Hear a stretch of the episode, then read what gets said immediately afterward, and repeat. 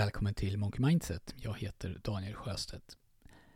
Låt oss låtsas att du har någonting i ditt liv eller ditt jobb som du kämpar med. Du tänker att om jag, om jag bara lyckas få ordning på den här delen så skulle allting bli mycket bättre. Och du har försökt att lösa det här. Du har försökt att göra situationen bättre. Men ingenting har hjälpt. Dina försök till lösningar har av en eller annan anledning inte fungerat. Eller så kanske du har hoppats på att det här problemet skulle bli bättre med tiden, lösa sig av sig självt i bästa fall. Men så har det inte heller blivit. Så vad ska du göra? Ett första steg det kan vara att sluta leta lösningar och istället börja ställa bättre frågor. För kanske så letar du efter lösningen på fel ställe. För att kunna lösa problemet behöver du först förstå det. Förstå vad det är för typ av problem och det är det som jag ska prata om idag. Hur du bättre kan lösa dina problem genom att bättre förstå dem. Vi kan kategorisera problem på olika sätt. Ett sätt, det är det som jag pratar om i podd nummer 127 som heter Letar du tama lösningar till stygga problem? Då behöver du ta dig till en ny nivå. I det avsnittet så säger jag att problem enligt två professorer i Kalifornien de kan antingen vara tama eller stygga. Tame och wicked på engelska. Ett problem som är tamt det har en tydlig lösning, vilket betyder att om tio experter fick samma problem så skulle allas lösning se ungefär likadan ut. Ett matteproblem är ett exempel på ett sånt typ av problem. Problemet i sig det kan ju vara oerhört komplext men det finns ändå en vedertagen lösning problem som är stygga, eller wicked då, de har ingen sån logisk lösning. Där kommer olika experter föreslå olika lösningar. Och de här lösningarna kanske är helt motsatta varandra. Och de här experterna kanske till och med sågar varandras lösningar. Det bildas olika grupper som pratar illa om varandra. Vad ska jag göra för att bli mer omtyckt av det motsatta könet? Det skulle kunna vara en sån wicked eller stygg fråga. Eller hur ska vår marknadsföringskampanj se ut? Svaret det beror alltså mycket på vilken expert som man frågar. Så om ditt problem är styggt och du letar efter tama lösningar då finns risken att du fastnar eller att du drabbas av beslutsparalys. För ju mer du letar efter det rätta svaret desto fler olika lösningar kommer du att hitta och om du väl har bestämt dig för någonting och sen gör en till googling då finns det risk att träffen du får nu den förespråkar någonting helt annat än det som du har bestämt dig för. Så du kommer aldrig att hitta det rätta svaret utan enda möjligheten att komma framåt i ett sånt här läge det är att bara välja någonting. Bestämma dig för den lösningen och sen börja att implementera den och försöka bli så bra som möjligt på den metod som du har valt. Ett annat sätt att kategorisera problem på det är att fundera på om problemet som du eller kanske ni på jobbet inte lyckas lösa är vad jag kallar för ett chipsproblem eller om det är ett basketproblem. Och låt mig förklara vad jag menar med de här två olika termerna.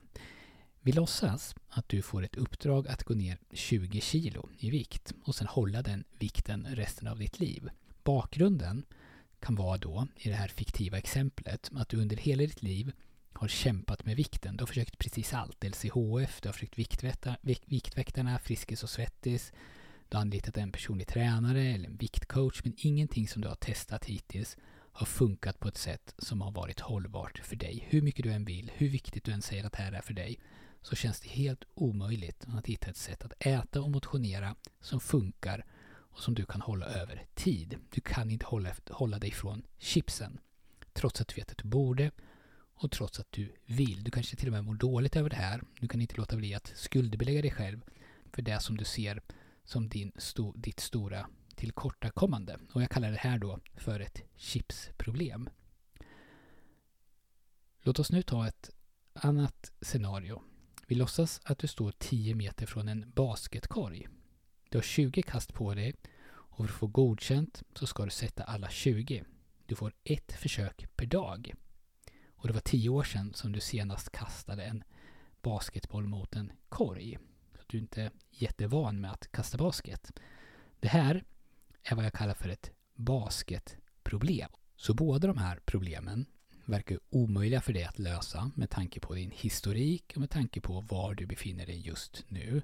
Och även om det plötsligt öppnades upp hundra parallella världar så du fick hundra försök på det eller hundra chanser så är risken stor att om fem år så är både chipsproblemet och basketproblemet olöst i alla hundra världarna.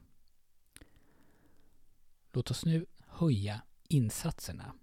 Och vi höjer dem så mycket som det bara är möjligt. Vi låtsas att någon nu tar ditt barn och så sätter de en pistol mot huvudet på barnet. Och förlåt mig nu om jag tar i så mycket så att det här blir smaklöst. Men jag vill göra den här poängen så tydlig som möjligt. Alltså vi, vi höjer insatserna så mycket det bara går. Lös problemet eller så trycker jag av, säger den här personen.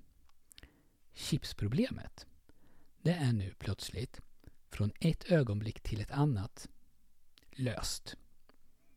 Det kan nu öppna upp sig 10 000 parallella världar och chipsproblemet kommer att vara löst i alla 10 000.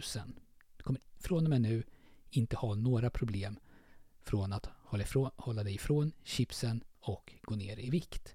Alltså från och med den sekund som insatsen är tillräckligt hög så är det problemet borta. Detsamma, det gäller ju inte för basketproblemet.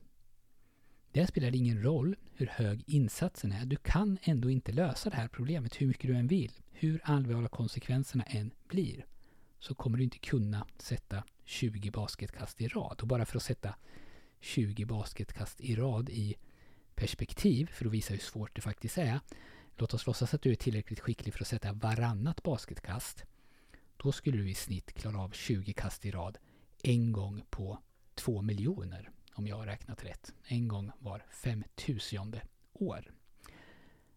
Så chipsproblemet, det lever ju inne i oss. Det är ett mindset-problem. För att lösa det i den verkliga världen, alltså där ingen sätter någon pistol mot någon annans huvud, så behöver du jobba med dig själv. Basketproblemet, det är ett kompetensproblem.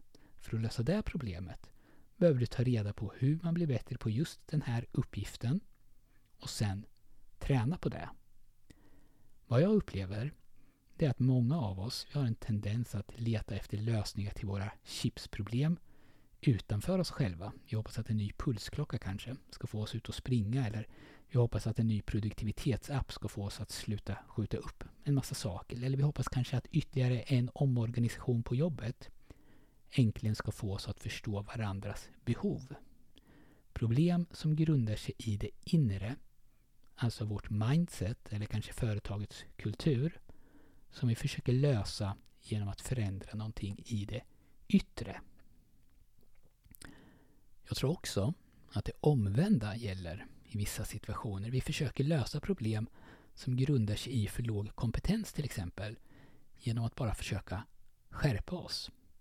Att sätta sig ner och öppna läxböckerna det kan ju sägas vara ett chipsproblem. Att sätta sig ner och öppna läxböckerna det handlar ju om mindset. Men att sen ta till sig det som står i läxböckerna, alltså att lära sig, det är faktiskt ett basketproblem. Det handlar om att förstå hur vi lär oss saker och vad som behöver ske för att vi ska kunna applicera det som vi lär oss.